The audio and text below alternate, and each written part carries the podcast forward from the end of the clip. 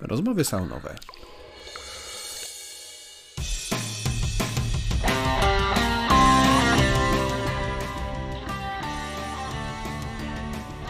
Witam w podcaście Sauna Grow.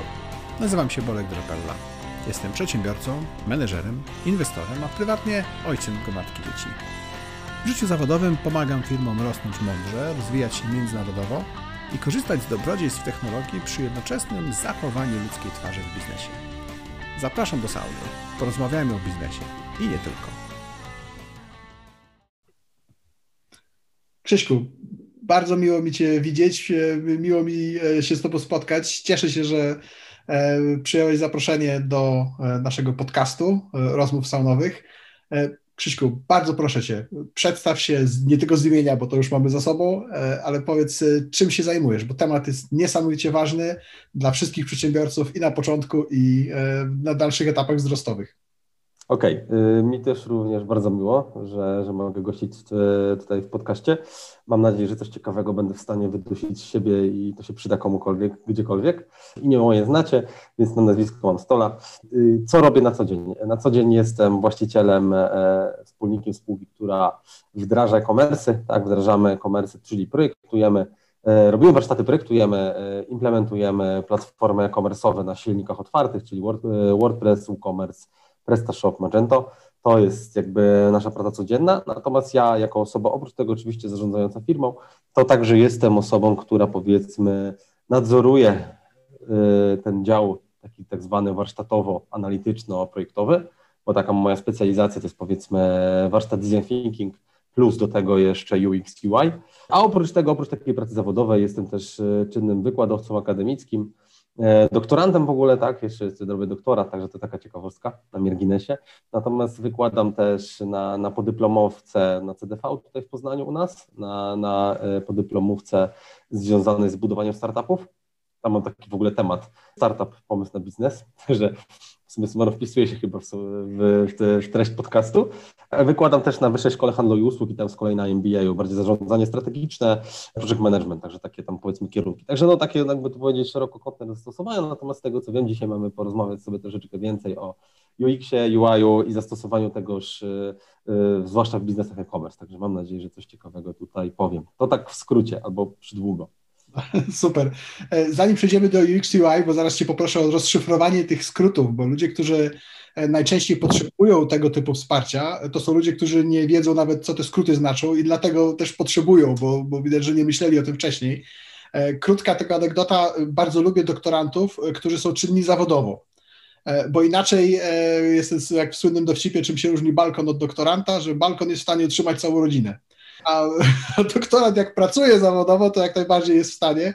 Jak, jak można łączyć jakby to, to, to pasję naukową, rozwijanie się naukowe, y, wykładanie, nauczanie innych y, z praktyczną wiedzą, to to zupełnie inaczej smakuje też po stronie studentów do praktyka. Tak, zgodzę się. Ja, ja generalnie w ogóle ja jestem bardziej takim pasjonatem dydaktyki. Wiesz, ja Ci powiem, że ja poszedłem bardziej na te studia w związku z dydaktyką niż nauką jako taką, bo Cóż, jak już znam ten system od środka, to widzę, że ta nauka nie jest taka sexy. E, natomiast dydaktyka mnie zawsze jarała, ja lubię po prostu przekazywać wiedzę uczyć ludzi. Tak, myślę, że to też jest takie, powiedzmy, nawiązanie do tego, że prowadzę warsztaty, y, dużo pracuję z biznesem, z przedsiębiorcami, to mi tak zostało, więc to, to jest fajne według mnie tam, natomiast samo sensu stricte nauka, jako taka, no niestety ten system wygląda, wygląda troszeczkę dziwnie jest od środka i myślę, że to znowu jest temat na jakiś kolejny podcast. Osobny temat, nie? ale faktycznie dorzucanie praktyki do tej nauki zupełnie zmienia ten, ten, ten wymiar. Tak, tak to się zgadza, dokładnie tak. Y, zwłaszcza pod kątem, powiem tak, zwłaszcza pod kątem tutaj podyplomówek i MBA, które prowadzę, to, to tam jest kluczowe, nie? Jakby tam tam w zasadzie osoba dydaktyk bez praktyki to, to jest bezwartościowy, no bo tam masz samych praktyków, nie? Oni tam po prostu czekają i chłoną, Twoje doświadczenie, Twoją wiedzę i nawet za to płacą tak naprawdę pieniądze, a nie za to, że Ty tam im wyłożysz, wiesz, tam to jest ta różnica. Patrzą, więc chcą teorię, dokładnie. A nie są, bo jest to darmowa szkoła wyższa w ramach. Dokładnie tak. Krzyśku, przechodzimy do, do UX i UI. E, jak w ogóle rozróżnić jedno od drugiego? Bo bardzo często się po slashu używa jedno, jedno po drugim. E, zacznijmy więc od, od definicji dla osób, które, które powinny o tym myśleć, a niekoniecznie to robią. Super. E, e, zasadniczo generalnie powinno się odróżniać całkowicie te dwie rzeczy. E, I można powiedzieć, że takich specjalistów, którzy się zajmują jedną i drugim elementem jest bardzo mało. Zazwyczaj mamy specjalistę, który się zajmuje UX-em i zaraz do tego przyjdę, co to jest i zawsze mamy specjalistę, który się zajmuje UI-em. Tak, to są dwie oddzielne osoby, a między nimi jeszcze jest szereg różnych osób, które mogą się zajmować pewnymi elementami z tych, e, z tych poszczególnych. Natomiast jakby uogólniając, załóżmy, że mamy takie dwie części, tak? czyli mamy UX-a, który to po angielsku brzmi user experience, po polsku to się tłumaczy na e, doświadczenie użytkownika, tak? Potem mamy UI, czyli user interface, czyli po prostu interfejs użytkownika.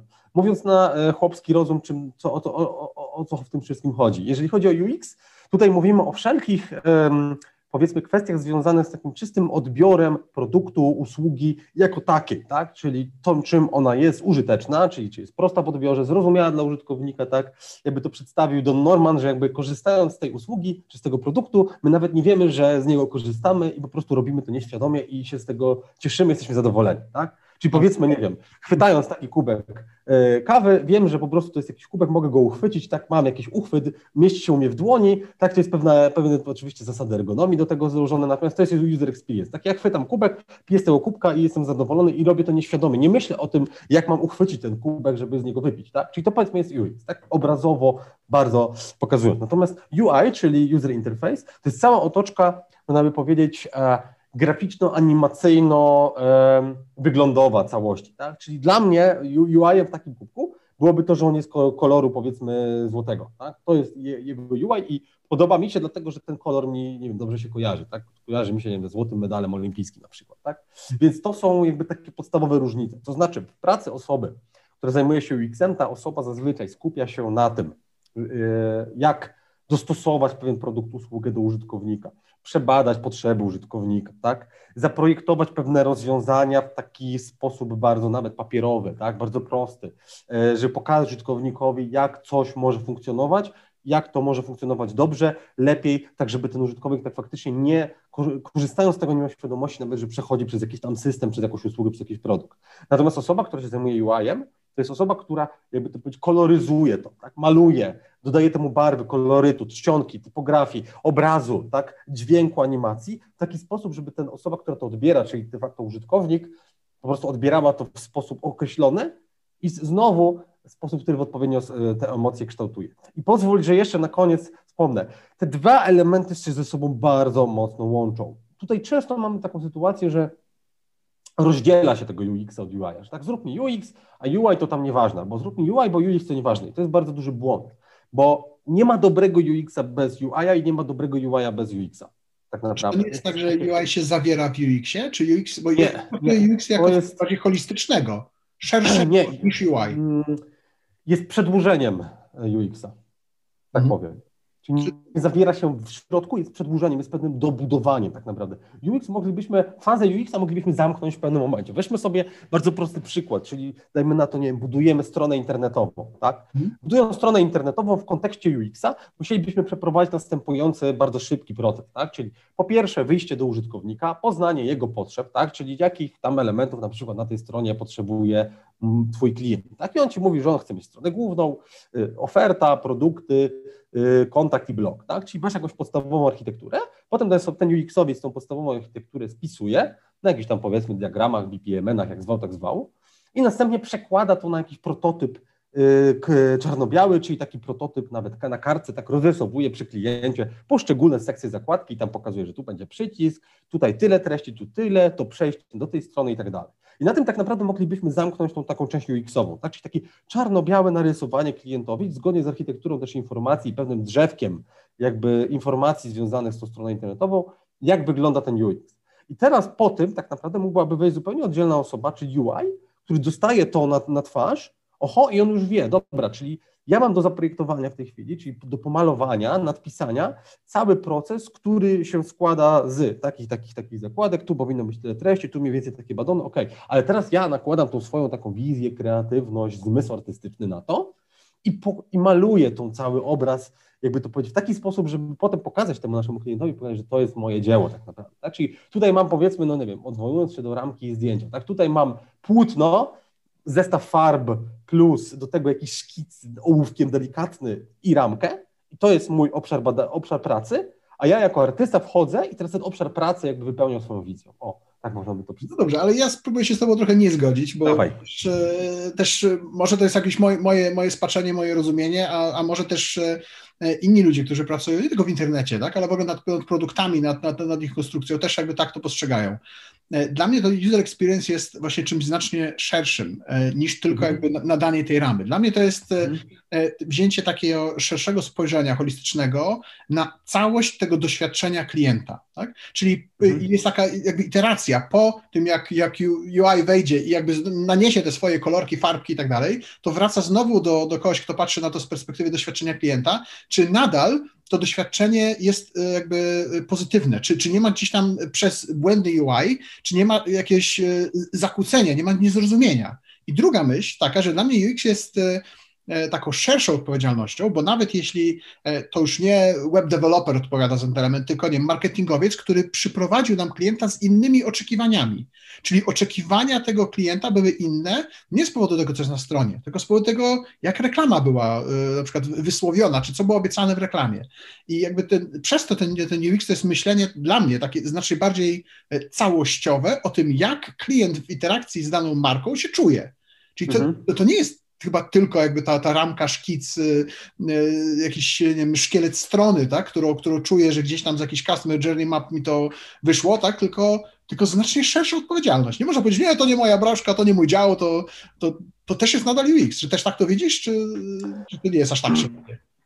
Ja, znaczy, powiem Ci tak, bardzo dobre, bardzo dobre skojarzenie, bardzo dobre pytanie i tutaj pogłębienie tej kwestii. Bo teraz to, co Ty opowiedziałeś, znaczy, ja odniosłem się do tego, do pewnych stanowisk, y, pewnego podziału obowiązków, jakby to tak zwał, tak? Bo znowu, zamian, jeszcze przed UX-em moglibyśmy na przykład dorobić jakiegoś badacza, tak? Który w ogóle działa niezależnie, tak? I on wtedy jest odpowiedzialną osobą, która zbiera wszystkie doświadczenia, robi warsztaty z klientami, tak? Robi różnego rodzaju testy, potem znowu wchodzi do tej takiej fazy po UI-u, znowu testuje to, co ty powiedziałeś, tak? Że ktoś tam pomalował już pewien produkt, tak? Już go mamy, no to teraz trzeba też go sprawdzić z użytkownikami, zrobić jakąś iterację tego produktu, wrócić z powrotem do fazy projektowej, i tak, dobudować pewne funkcjonalności, których jeszcze nie mamy. Także jak najbardziej to jest, y, to się z tym zgadza. Natomiast to, co ty powiedziałeś, to jest taki UX, e, czyli taki, e, to jest takie doświadczenie klienta szerokokątne. Ja bym to nawet określił takim sformułowaniu customer experience, tak? czyli generalnie doświadczenie klienta, bo to też jest bardzo ważna rzecz, o której nie powiedziałem, a, a która y, koresponduje z tym, co ty powiedziałeś z kolei przed chwilą, to jest to, że tak naprawdę UX i UI nie możemy tego w ogóle zamykać do branży powiedzmy IT szerokokątnej. To jest po prostu tak naprawdę budowanie wszystkiego, tak? czyli generalnie customer experience, ten human center design, tak? czyli generalnie projektowanie, tworzenie produktów, usług, procesów, produktu, y, całości jakby systemów, ekosystemów skoncentrowanych na człowieku tak naprawdę, tak? czyli nawet nie użytkowniku, bo znowu tutaj mamy to słowo human center, a tu mamy user center, tak? Jeżeli sprowadziliśmy sprowadziliśmy człowieka do roli użytkownika, tak? Czyli umniejszyliśmy jakby ludzkiej postaci, tak jakby, y, jakby istocie, istocie ludzkiej umniejszyliśmy do roli jakiegoś tam, nie wiem, e, elementu w grze tak naprawdę. A tak naprawdę mówimy o tym, że to jest tak naprawdę human-centered design, tak? Czyli budowanie doświadczeń klienta całym procesie interakcji z pewnym systemem, czy ekosystemem nawet. Tak? Jeżeli te ekosystemy potem zawężamy, czyli na przykład yy, zawężamy je do chociażby takiej branży komersowej, czy w ogóle komersowej jako takiej, tak? czyli jak przedstawić na przykład doświadczenie klienta w sklepie na przykład stacjonarnym, gdzie on wchodzi, gdzie widzi, dotyka namacalnie pewne produkty, czuje je, tak, chłonie wzrokiem, wszystkimi zmysłami, które posiada, jak na przykład takie doświadczenie przełożyć na przykład teraz do e-commerce, tak, czyli sprawdzanie po ekosystemach. Ja bardzo fajnie kiedyś byłem takim, takim e, powiedzmy wycieczce e, w jednym z takich fajnych sklepów w Poznaniu, nie wiem, czy ty bywasz w Poznaniu, jest taki sklep Podgórnej, prowadzi go Tomek Mile, bardzo zresztą fajna postać, e, która, który to, która to osoba się specjalizuje w modzie męskiej oraz w E, wysokoprocentowych, e, dobrej jakości alkoholach, tak? czyli między innymi whisky, prowadzisz taki fajny podcast i ma tam sklep na tej ulicy Podgórnej, który, który został zaprojektowany, stworzony właśnie z myślą o jak najlepszym doświadczeniu klienta. Tak? I wchodząc tam, jakby oni projektują całą przestrzeń zakupową, czyli ten taki commerce standardowy, tak? czyli ten taki realny sklep, myśleli na każdym kroku, jak ty się powinieneś czuć przechodząc przez poszczególne punkty styku, y, y, jakby to powiedzieć, z zakupem produktów, które tam są wystawione. Tak? Czyli tu masz jakiś tam bar, podłoga jest z określonego materiału, to wszystko ma określony zapach, tak? witryna wygląda w określony sposób, tak? klient obsługuje Cię w określony sposób, z określonym jakby schematem obsługi, także tutaj to wszystko, co, co składa się na taki cały, powiedzmy, ekosystem, na taki sklepowy, jest zamknięte w tym takim całkowitym doświadczeniu klienta. I tutaj jakby nie wyróżniamy już żadnego UX-a, UI-a, tak, czy tam, nie wiem, badacza. To jest po prostu cały ekosystem, który został od początku do końca zaprojektowany. I pozwól, że jeszcze na koniec powiem to, co ty przed chwilą tutaj powiedziałeś. Na przykład z marketerem, tak, że marketer wypuścił w social mediach reklamę banerową i na reklamie banerowej jest tam napisane, nie wiem, 50% gratis na pierwsze zakupy w Twoim sklepie internetowym, tak? Czyli teraz tak naprawdę ta, o tej reklamy, nie wiem, klient jest y, w social mediach i nagle ta reklama mu się na przykład na Insta wyświetla, tak? I z tego Insta pyk wchodzi na nasz sklep internetowy. Czyli tak naprawdę jego doświadczenie związane z naszą marką, tak naprawdę znowu mówimy o tym, o, że to jest tak naprawdę marka, czyli jego doświadczenie związane z naszą marką, ono jest już budowane na etapie pierwszego wyświetlenia tego, tego baneru. Czyli jakby można by było powiedzieć, słusznie za tym, co powiedziałeś ty, że jakby jeszcze wchodząc y, krok wstecz robiąc, tak? Czyli tak naprawdę ten UX, jakby taki szeroki, on się dzieje już na etapie pierwszego kontaktu tego klienta z marką. Pierwszego tego, tego momentu, jak on to zobaczy, jak on o tym usłyszy, nie wiem, pójdzie do kolegi, koleżanki i tam zobaczy na przykład, że nie wiem, kolega, koleżanka ma e, takie, takie ubranie i on też chce go mieć. Tak w tym momencie zaczyna się już w ogóle doświadczenie zakupowe tak naprawdę. I od tego momentu moglibyśmy mówić, że już projektowanie tych punktów jest bardzo istotne. I tu, no zresztą, to może zaraz do tego jeszcze przejdę, bo pewnie masz pytania, przydługa wypowiedź. Mówiłem Ci, żebyś mnie, żebyś mnie stopował. I, i Będę Cię stopował za chwilę, między innymi dlatego, że rozmowy saunowe cieszą się tym, że są zazwyczaj dość krótkie. Wywiad mhm. zawsze jest dłuższy, rozmowa zawsze jest dłuższa, no bo to dwie osoby mają jakby też coś do przekazania, jest jakaś interakcja. Mhm ale im krócej, tym lepiej, głównie dlatego, że saunie się nie siedzi zazwyczaj dłużej niż 15 minut, więc jak, jak dojdziemy do, do dwóch takich seansów saunowych, to będzie, będzie, będzie w sam raz. E, tak. Chciałbym spróbować teraz zejść jakby na, na, na konkretne przykłady, e, tak żeby też łatwiej słuchaczom było sobie zobrazować, jakie błędy z obszaru UX najczęściej, już mówmy teraz już o, o e-commerce, tak, już o, mhm. o biznesach, E, które ludzie popełniają i, i najczęściej zapominają o tym. Czyli ja to nazywam takie trochę powolne gotowanie żaby. To jak sklep mhm. był mały, to nie było problemem, tak, ale jak już urósł, to nadal jest tak samo, bo tak zawsze było, ale to, to zupełnie nie jest jakby ta, ta droga. Gdybyś miał takie, nie dwa, trzy e, przykłady czegoś, co jest źle ogarnięte UX-owo i bardzo wiele e, sklepów właścicieli sklepów o tym nie myśli. Okej. Okay.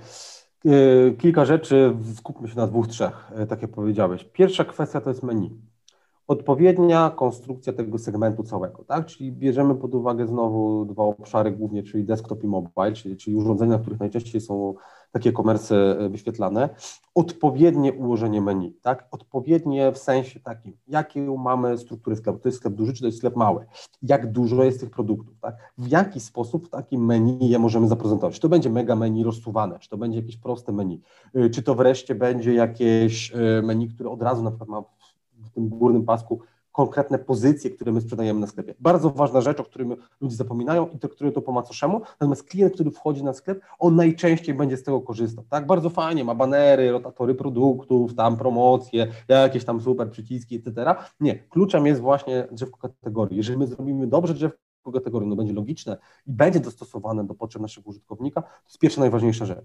Druga jeszcze kwestia, jeżeli chodzi o menu, to jest zapominanie o tym, że y, użytkownicy lubią mieć to samo wszędzie.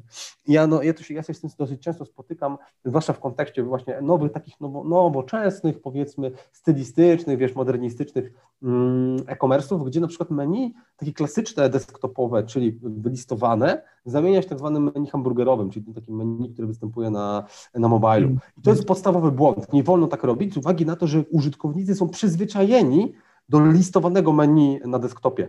I oni nie wiedzą w ogóle, że takie menu chowane jest gdziekolwiek i nie potrafią z tego skorzystać. Są różne metody tam mm, tego menu, czyli, czyli na przykład e, częściowo jest pokazane, częściowo jest schowane, różnego rodzaju hybrydy. Ja osobiście jestem zwolennikiem tego, że menu desktopowe powinno być wylistowane maksymalnie, bez żadnego chowania, natomiast dopiero menu mobilne, ono może być faktycznie spakowane pod hamburgera, bo to jest naturalny element, który występuje.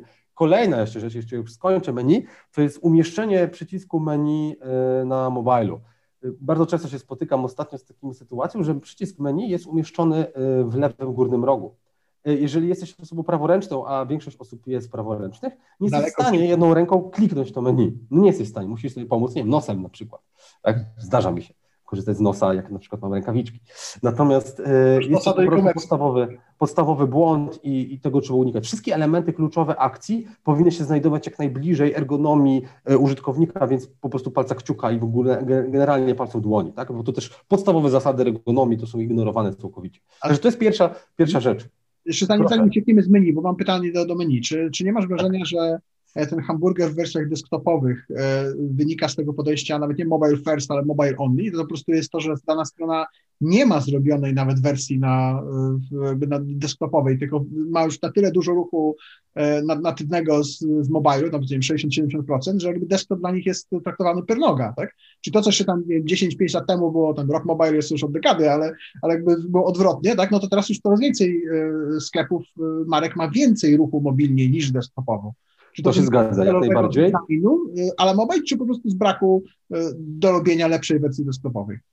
Znaczy ja w ogóle, znaczy w ogóle ja powiem przewrotnie, ja jestem zwolennikiem tezy desktop first. I już Ci powiem dlaczego. Wiesz, E, bo zdecydowanie lepiej i łatwiej i szybciej projektuje się rzeczy na desktopie i redukuje się następnie do mobila niż odwrotnie, niż projektując mobile i rozbudowując do desktopu. Ponieważ desktop ma jakbyś, to jest jak z kartką papieru, zdecydowanie łatwiej robi się coś na dużym formacie niż potem na mniejszym, z uwagi na to, że do mniejszego e, łatwiej jest ujmować pewne elementy. A weź teraz zrób cokolwiek na ma- małym formacie i spróbuj to rozbudować do dużego formatu. Tak o wiele trudniej, ponieważ wtedy musisz zacząć wymyślać, jak tą przestrzeń zagospodarować. Także robiąc odwrotnie, czyli wychodząc z desktopu, robiąc dobrze desktop, a następnie eliminując pewne elementy, oczywiście mobile się robi niezależnie, tak? Eliminując pewne elementy z desktopu, zdecydowanie łatwiej jest zaprojektować mobile, bo już, już gro elementów masz i teraz tylko się decydujesz, co dla tego użytkownika mobilnego faktycznie będzie istotne w moim sklepie, tak? Bo na desktopie co możemy zrobić? A tutaj jakiś banerek jeszcze jeden dodatkowy, a tutaj coś tam, a tutaj coś tam, detale, które po prostu na desktopie działają, bo po prostu mamy duży ekran i pewnie więcej czasu użytkownika, tak zdecydowanie na ekranie desktopowym niż na mobilu. Na mobilu to jest raz, dwa, trzy, szybka akcja, kluczowe elementy tylko i wyłącznie. Dlatego ja jestem, ja jestem zwolennikiem tej tezy desktop first. To jest takie trochę... powiedzmy, słyszę, ale to ciekawe, ciekawe podejście. No? Natomiast po prostu uważam, znaczy z praktyki tak uważam, że jest to yy, zdecydowanie prostsza yy, perspektywa. Dobra. Natomiast odpowiadając na to pytanie, być może jest to, jest to prawda, to znaczy właśnie zaniedbywanie ekranu desktopowego z uwagi na to, że ten ruch desktopowy często już jest marginalny, tak? czyli, czyli nawet, nawet to nie jest 30%, często w niektórych przypadkach to jest ponad po 10%, tak? bo, bo większość tych transakcji jednak odbywa się już, już na mobilu. Nie? Przykład Instagrama, który jakby długo nie ma w ogóle wersji desktopowej i ona jest z założenia uboga. Tam nic nie dodasz, nic nie, to, to, to, to po prostu jakby funkcjonuje Tak, to się zgadza. tylko jakby jako, jako jakiś, jak, jak, jakaś dziwna hybryda, tak? Dobra. Natomiast to, co, to, co jest jeszcze ważne, no mimo wszystko nadal y, dużo sklepów internetowych, zwłaszcza e-commerce'ów, zaniedbuje mimo wszystko mobila. I wszyscy niby wiedzą, że jest tam era mobile i tak dalej, ale duże są zaniedbania w, tej, w tym zakresie, mimo wszystko cały czas, nie? I trzeba o tym pamiętać, że zdecydowanie łatwiej wszystko jest zrobić na desktopie, bo jak się ma przestrzeń, to jest łatwiej po prostu umieścić treści, rozłożyć odpowiednio przestrzenie. Tak, tam, tam się projektuje zdecydowanie łatwiej. Zdecydowanie trudniej jest przełożyć ilość informacji, którą chcemy przekazać użytkownikowi z desktopu na mobile. To jest zdecydowanie tru, trudniejsze zadanie, po prostu, bo tą ilość trzeba w jakiś sposób zredukować. Tak? Trzeba- bardziej różne ekrany, każdy, każdy piksel różnicy już się okaże, że, ja, że coś, co, co źle osadziliśmy, to już jakiś istotny element typu przycisk wyślij, tak, nie jest widoczny na pierwszym foldzie, albo w ogóle Dokładnie. nie jest widoczny, tak, bo Dokładnie. tekstu za dużo, tak, i scrolla nie zrobimy. RWD wszystko zrobiło. Roz, rozwaliło wszystko totalnie. Tak? Jak nie było RWD, wszystko było proste, wszystko było kwadratowe. Dla, dla osób, które nie... Tak, tak, responsive web design, dokładnie. Wszystko jest rozwalone przez to i klienci tego nie rozumieją do końca, tak? My mamy, my współpracujemy z klientami, oni nie rozumieją, że przecież, a u mnie na telefonie to tam, nie wiem, tego nie widać, nie? No bo Pana telefon jest tam, nie wiem, ciut większy i szerszy niż tam, nie wiem, projektowany ekran, na którym opierał się deweloper, który projektował apkę, nie? Także tutaj jakby znowu te mankamenty. Ważne, że jemu nie działa, tak, i to jest słuszne podejście, tak, no bo innym też może nie działać, tak. Ale to jest już ten temat rzeka dostosowania jakby HTML-a do przeglądarek, tak, i do, do których wersji, jak daleko wstecz i, i do którego Internet Explorera, tak, próbować jeszcze się tam zrównywać. E, tak, tak, to też praktyka jest taka teraz, że Mhm. tak, coraz mniej, coraz mniej firm w ogóle dba o Internet Explorer, tak. My, my w ogóle nie, nie, już nie mamy w umowach akurat Explorer, po prostu to jest wymarła Zło, zło. Natomiast jakby po, pozwól, że jeszcze wrócę do tych dwóch, dwóch kluczowych, ważnych rzeczy. Mhm. Druga kwestia, której warto zwrócić uwagę pod kątem UX-a, to jest drzewko kategorii. Tak? Czyli po pierwsze zaprezentowanie tego menu, ale przede wszystkim potem ułożenie e, logiczne tego menu. Tak? W jaki sposób jest drzewko kategorii ułożone, jak logicznie jest przedstawione menu, zwłaszcza w sklepach skomplikowanych, w takich platformach B2B na przykład, gdzie to nie jest takie proste jak w sklep z ubraniami, tak? że mamy kategorię damska, męska, dziecięca, unisex i tam jakaś X. Tak? To jest proste, to jest easy i wszyscy to rozumieją, ale jak mamy sklep, gdzie sprzedajemy na przykład tam, nie wiem, śrubki i teraz te śrubki musimy jakoś podkategoryzować, tych śrubek mamy 50 różnych rodzajów, i każdy klient kupuje inne i każdy klient inaczej myśli o tych śrubkach, nie? I weź Jak teraz, bądź mądry, słucham? Jak się do tego podchodzi? Idzie się do kogoś, kto wyznacza trendy, do, do, do jakichś, tak jak ludzie zazwyczaj kupują, nie wiem, jakieś kastoramy, obie inne, bo, bo tam idą, tam szukają, więc wykorzystujemy te mechanizmy, które już się zakorzeniły. Y, Jak, jak Już ci, już ci mówię, akurat, akurat przykład sklepu z farbami mieliśmy, nie, e, nawet sklepu, to jest strona, bardziej strona, która przypomina sklep farbami i tam się opieraliśmy na badaniach, które firma miała z użytkownikami i opieraliśmy się z kolei na helpdesku i na pytaniach użytkowników, jakie kierują do nas. Jakie, z jakimi pytaniami wracają, tak? To bo my wiemy mniej więcej, co, czego nie rozumieją, tak? I na podstawie tego, czego nie rozumieją, budujemy architekturę informacji, nie? Żeby po prostu ułatwić im życie, tak krótko mówiąc, nie? Więc, e, więc w ten sposób, no i cóż, no jedyną tak naprawdę opcją to jest MVP, tak? To jest po prostu stworzenie czegoś, podłączenie się pod Analyticsa, podłączenie się pod Hotjara lub, lub, lub inne narzędzie mapowania y, ciepła Tak. i sprawdzanie tego. No nie ma tutaj mądrego. Tak? To, to nie jest tak, że wiesz, to jest analiza ekspercka. Tak samo jakbyś ty podszedł i powiedział, że według ciebie to będzie tak, tak, tak i tak, bo takie jest twoje doświadczenie z wielu lat pracy powiedzmy w e-commerce, Mhm. a moje doświadczenie będzie troszeczkę inne, ja powiem ekspercką analizą swoją, że ja robię to inaczej, nie? A teraz wiesz, no znowu, badania kosztują, tak? E, analizy kosztują. Nie każdą firmę stać na to, tak? Y, Małego polskiego e-commerce'a, średniej firmy nie stać na to, żeby zrobić badania z użytkownikami, które tam Ale- kosztują w dziesiątki No właśnie, ale z użytkownikami, a teraz chociażby przez takie narzędzia jak Hotjar, tak, czy, czy, czy inne, inne opcje jakby mapowania, heatmap, tak, no to, to już można robić badania, y, no, no niby nadal ilościowe, ale jednak już jakby elementy jakościowe można w znacznie tańszym jakby budżecie Tak, niż... to, to się zgadza, zwłaszcza, że możesz nagrywać te wszystkie akcje użytkowników, ale co jest bardzo ważne, to są tylko działania ex post, to nie jest ex ante, bo Mhm. mówimy też o działaniach ex ante, czyli możemy po prostu przeprowadzić, my mamy klientów, z którymi robiliśmy badania ex ante, gdzie robiliśmy badania jakościowe z użytkownikami, e, testowaliśmy prototypy z nimi, e, ale powiem Ci szczerze, dopiero jak masz ilościówkę, to znaczy jak Ci wejdzie na ten sklep 1000, 2000, 10 tysięcy, 100 tysięcy ludzi i sprawdzasz ich, to się Mhm. okazuje, że y, te, nie wiem, 15 osób, które zrobiłeś na jakościówce, mm, to była jakaś tam grupa, Tak. ale cała ta reszta ma znowu jakieś tam swoje inne przemyślenia, inne funkcje szybka i tak dalej. Także to też są takie, takie ciekawostki. Nie zawsze te badania jakościowe, one, one jeden do jeden się przekształcają, przekładają potem na tą ilość, nie?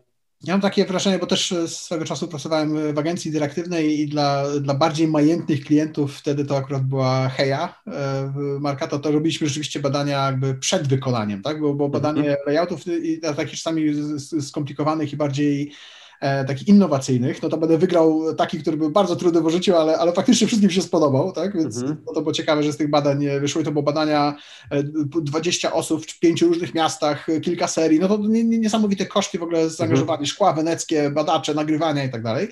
Tak. Ale mam takie wrażenie, że takie badania miały większy sens wtedy, bo sam development danej aplikacji, szczególnie w jakiś taki zupełnie inny sposób, nie na gotowych narzędziach, e, tylko po prostu od, praktycznie od zera, e, powodował, że e, opłacało się pewne takie badania zrobić wcześniej, bo to MVP wtedy, raz, że skrót nie istniał jeszcze, tak, może już idea gdzieś tam e, istniała, ale po prostu to e, jakby e, znacznie droższe było wykonanie e, takiej finalnej aplikacji, więc jakby opłacało się testować przed. Teraz przy MVP, przy testach AB, jakby, e, które można uruchomić praktycznie na, na byle czym, tak? Jak już jest jakiś ruch, to też zaraz zadam pytanie, jaki ruch powinien być, żeby Hmm. e, testy AB miały sens, ale mam takie wrażenie, że, że też podejście linowe, tak, jakby pokazuje, że, że można szybciej coś wypluć, wy- postawić jakby na, na produkcję i zobaczyć, jak, jak to działa, niż czekać waterfallowo, aż y, zrobimy piękny projekt y, 12-miesięczny, żeby się okazało, że to jednak nie jest to, co użytkownicy chcieli.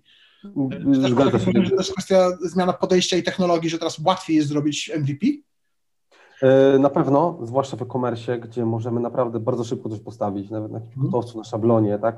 My często sugerujemy klientom, że tak, zróbmy fajny proces, tak, postawmy coś, nawet z, z bazowymi funkcjonalnościami i potem sprawdzajmy to tak naprawdę, bo znowu, to tak jak powiedziałem przed chwilą, tak, my projektujemy pewną rzecz my do końca tak naprawdę nie wiemy, czy ten projekt chwyci, tak? Czy to jest to, czy ta logika, którą my się kierujemy, tak?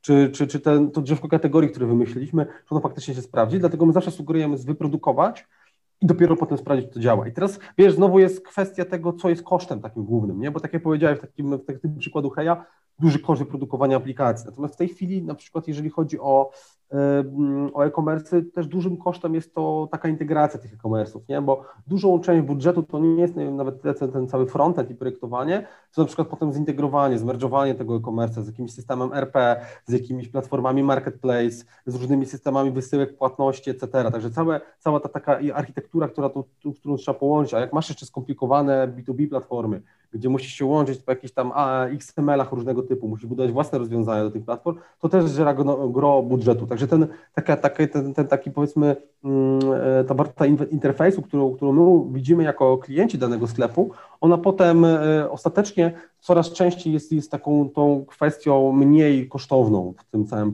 w tej całej produkcji i potem, i dlatego ona też jest mniej kosztowna, żeby potem po prostu wracać do niej i jakby w taki iteracyjny sposób, zaczytując te dane, y, to, y, to sprawdzać. Teraz to, co pytanie było twoje kolejne, czyli ile osób powinno wejść na tą stronę, żeby były te dane już jakby wartościowe, to powiem Ci tak, tak naprawdę Znowu zależy to od narzędzia, jakim, jakim badamy, ale weźmy pod uwagę chociażby mapę ciepła. Zasadniczo ruch nawet na poziomie tamtych powiedzmy dwóch do pięciu tysięcy osób, to już jest wystarczająco, użytko, unikalnych użytkowników, to już jest wystarczająco. Nie miesięcznie tego działa? Wiesz co, no, no, dajmy na to, że nawet po prostu do testu, do danego testu. Powiedzmy, poczekajmy, aż uzyskamy 5000 wejść unikalnych, tak? I sprawdźmy sobie wtedy, jak to tam wyglądało, tak? I tak sugerujemy, więc od 2 do 5 tysięcy minimum tych testów, żeby, żeby było. Oczywiście, im więcej mamy, tym te jakby pewne zachowanie użytkowników widzimy lepiej, tak? No bo to ciepło, jakby te punkty się robią coraz gęstsze i widzimy, że tam, nie wiem, ten baton jest klikalny, a ten tam nie jest na przykład. Tutaj tak. to rozumiem, a tego nie. Natomiast potem, jakby chcieli tego zrobić, wiesz, analizę jakościową, czyli na przykład wziąć filmy i pooglądać teraz, co ci ludzie tam robią, Mhm. no to byś zgupiał, nie? To by ci życia stare nie starczyło, żeby przeanalizować wszystkie możliwe akcje. E, z tego, co słyszałem ostatnio, pojawiają się na rynku oprogramowania, które ci podpowiadają tej lepszej jakości filmy. Gdzieś tam jakimś mechanizmem e, sztucznej inteligencji wybierają te, które są najbardziej wartościowe i to ci podsuwają jako badaczowi, tak? Mhm. Więc, więc coraz jakby lepsze to jest, łatwiejsze w użyciu. Natomiast zasadniczo e, potem analizę jakościową z tego zrobić po prostu musisz wybrać, tak? Musisz wybrać pewne akcje i sprawdzić sobie, co funkcjonuje. No ale pytanie jakby na ile ta, ta analiza jakościowa jeszcze ma sens w momencie, kiedy masz konwersję, tak? Kiedy, znaczy to oczywiście zależy jakby co, co chcesz osiągnąć w danej jakby zmianie, bo to nie zawsze jest konwersja, e, ale wiesz, no testy AB, no jest, jest zawsze prosty, prosty wynik, tak? Jakby no, wiesz, co przejdzie dalej, jakby gdzie jest konwersja większa i tam nawet nie musisz e, zgłębiać poszczególnych z tych tysięcy jakby przypadków użycia, tylko gdzie zadziałało lepiej, gdzie użytkownik przeszedł e, dalej z większym efektem, tak? Jeden, tak. Mhm. Tylko komentarz do tych, wspomniałeś tych, tych, tych powiedzmy dwóch tysiącach osób, to trzeba pamiętać, że to jest dwa tysiące osób, które dojdzie do etapu, który testujemy. Bo to tak. nie jest 2000 osób, które wejdzie nam na stronę główną, tak? Tylko jeśli testujemy na przykład coś na etapie płatności, to to już jest przez wszystkie lejki konwersji. Jak ktoś dojdzie do płatności, tak. żeby mieć faktycznie tam e, te, te, te 2000 e, ludzi na tym etapie, to oznacza, że musimy mieć e, pewnie 100 tysięcy ludzi na użytkowników na stronie, żeby dojść do tego momentu. Tak? Zgadza się, wszystko zależy od tego, co testujesz i to samo jest, jeżeli chodzi o analizę jakościową. Analiza jakościowa się przydaje do tego, jeżeli na przykład testujesz jakiś konkretny element, na którym Ci bardzo zależy, to mhm. wtedy faktycznie warto wejść głębiej i oprócz tej samej analizy ilościowej, tak, czyli jaką masz tam konwersję, jakie masz klikalność tego tam przycisku i tak dalej, warto wtedy sobie poświęcić troszeczkę czasu i przeanalizować chociażby nagrania wideo z tej konkretnej podstrony, na której jesteś, gdzie ten użytkownik jest, co on tam robi, dlaczego na przykład nie kliknął albo kliknął ten przycisk, tak? czy on się skroluje, czy on sprawdza, w jaki sposób, jak długo czasu spędza na tej stronie, wtedy warto y, sięgnąć do tych danych już czysto ilościowych. Nie, że konkretny dany element sprawdzasz, nie? albo nie wiem, wyrobiłeś jakiś konfigurator, jakieś takie rozwiązanie bardziej niestandardowe, zależy Ci na większej ilości informacji, wtedy warto do tego sięgnąć. No, pewnie ciężko by było robić analizę jakościową, nie wiem, strony głównej albo karty produktu, na które wchodzi tysiące ludzi, tak, y, przewijających się chociażby przez sklep.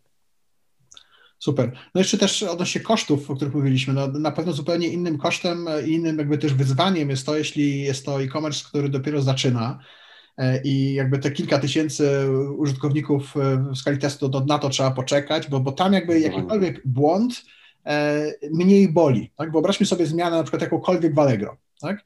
E, to tam oczywiście jakby nigdy te testy nie są robione tak, że jest 50% użytkowników widzi to, 50 to, tylko bierzemy pół promila użytkowników i połowa z tego pół promila widzi to, a druga połowa z tego pół promila tak, widzi to tak. i dopiero wtedy są e, jakieś tam hipotezy z czasem e, jakby rozwijane, czy jakby zmiana na, na żyjącym organizmie, który już jakby potężne pieniądze generuje, to jest też ryzyko kosztu, jeśli my coś zepsujemy. To nie jest kwestia, jak szybko dojdziemy do optymalnego rozwiązania, tylko, że już mhm. każda minuta w takim, w, takim silniku, w takim organizmie, to to już są potężne pieniądze e, stracone.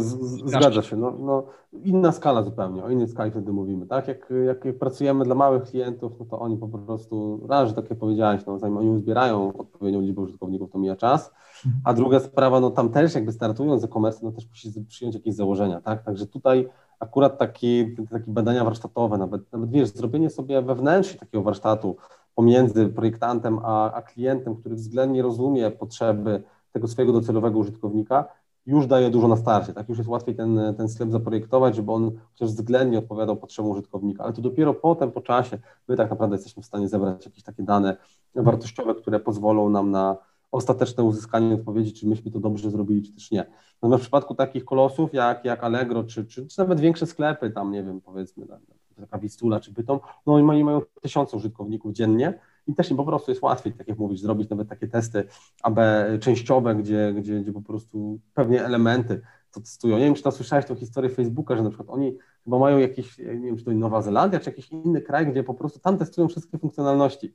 A nie, nie Nowa Gwinea, bo tak wiesz, świnki gwineńskie albo coś takiego. Wiesz, to, to, to testowanie. Albo coś takiego, wiesz. Wiem że, wiem, że oni wybrali jakiś konkretny kraj, gdzie im to jakby wyszło, że tamto społeczeństwo, ono jest najbardziej, odpowiada jakby społeczeństwu globalnemu, które używa tego Facebooka.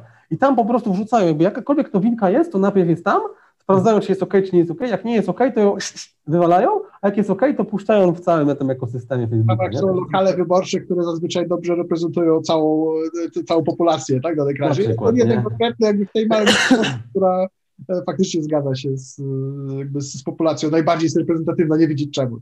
Tak, tak, to, to, to coś w tym jest bardzo podobnego, nie? Krzyśku, e, staramy się trzymać rzeczywiście dwóch cyklów saunowych w naszych, w naszych tak rozmowach. E, ostatnie pytanie do Ciebie, jakiego typu usługi można u Was zamówić? Bo mówiliśmy o tym UX-ie, UI, już jakby doliznęliśmy kilka tematów, w design thinkingu nie ruszyliśmy, może, może uda się kiedyś oddzielnie. E, powiedz, jakiego typu usługi można u Was zamówić?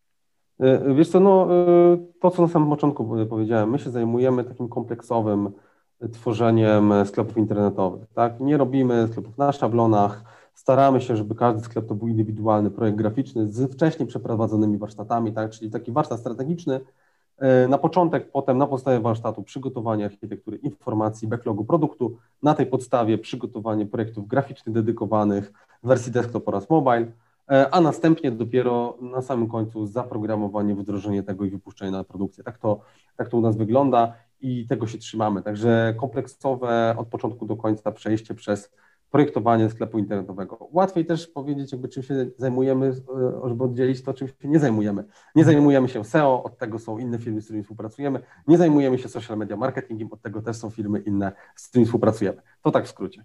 Czyli parafrazując, mówiłeś o, o WordPressie chociażby i o e-commerce, czyli jakby tak. łączycie e, technologię jakby ogólnodostępną, ale nie wykorzystujecie gotowych szablonów, tylko szablon jakby piszecie dla... Piszemy, piszemy od zera. Wiesz co, jeszcze w kontekście Presty często korzystamy z szablonów, z uwagi na to, że to znacząco przyspiesza budowanie y, Presty i klienci często z tego korzystają, tak? No bo Prestę też budujemy i korzystamy z gotowych szablonów, natomiast zdarza się też, że budujemy Prestę od zera, natomiast po prostu, no co te, im bardziej zaawansowana technologia, w skrócie, tak, to ten sklep po prostu jest droższy, tak, czyli jakby sklep e-commerce'owy to jest ten najowszy, najniższy lewy, potem jest tam ta Presta, która jest troszeczkę droższa, no wiadomo, jakbyśmy weszli na Magento, to to są już konkretne pieniądze.